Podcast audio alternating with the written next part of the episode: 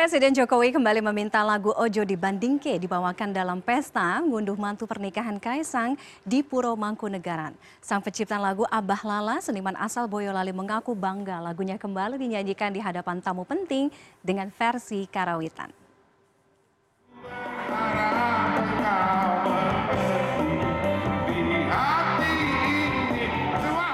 Pencipta lagu Ojo Dibandingke Abah Lala kembali dibuat bangga oleh Presiden Jokowi.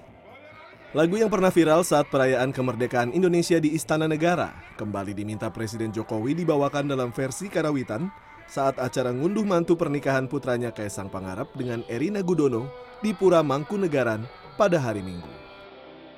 Ditemui di Boyolali pada Sabtu, Abah Lala yang bernama asli Agus Purwanto mengaku justru mengetahui lagu ciptaannya akan dibawakan dari media sosial. Dirinya juga mendapatkan undangan untuk menghadiri acara tersebut di Puro Mangkunegaran pada minggu siang. Abah Lala mengaku senang dan merasa beruntung mendapat undangan dari Presiden Republik Indonesia.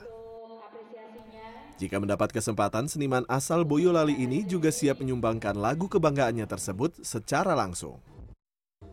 Di situ nanti lagu Ojo dibanding-bandingnya akan dinyanyikan para waranggono, karawitan mungkin dari Surakarta sana, pokoknya ya saya senang alhamdulillah jarang-jarang loh lagu itu lagu yang Jawa pop keroncong itu dijadikan irama ladrang atau mungkin langgam dan disajikan dalam acara pernikahan putra dari Pak Presiden Joko Widodo itu menurut saya ya sangat spesial.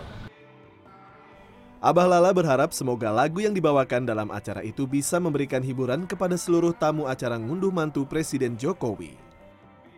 Taufik Irvani, Boyolali, Jawa Tengah.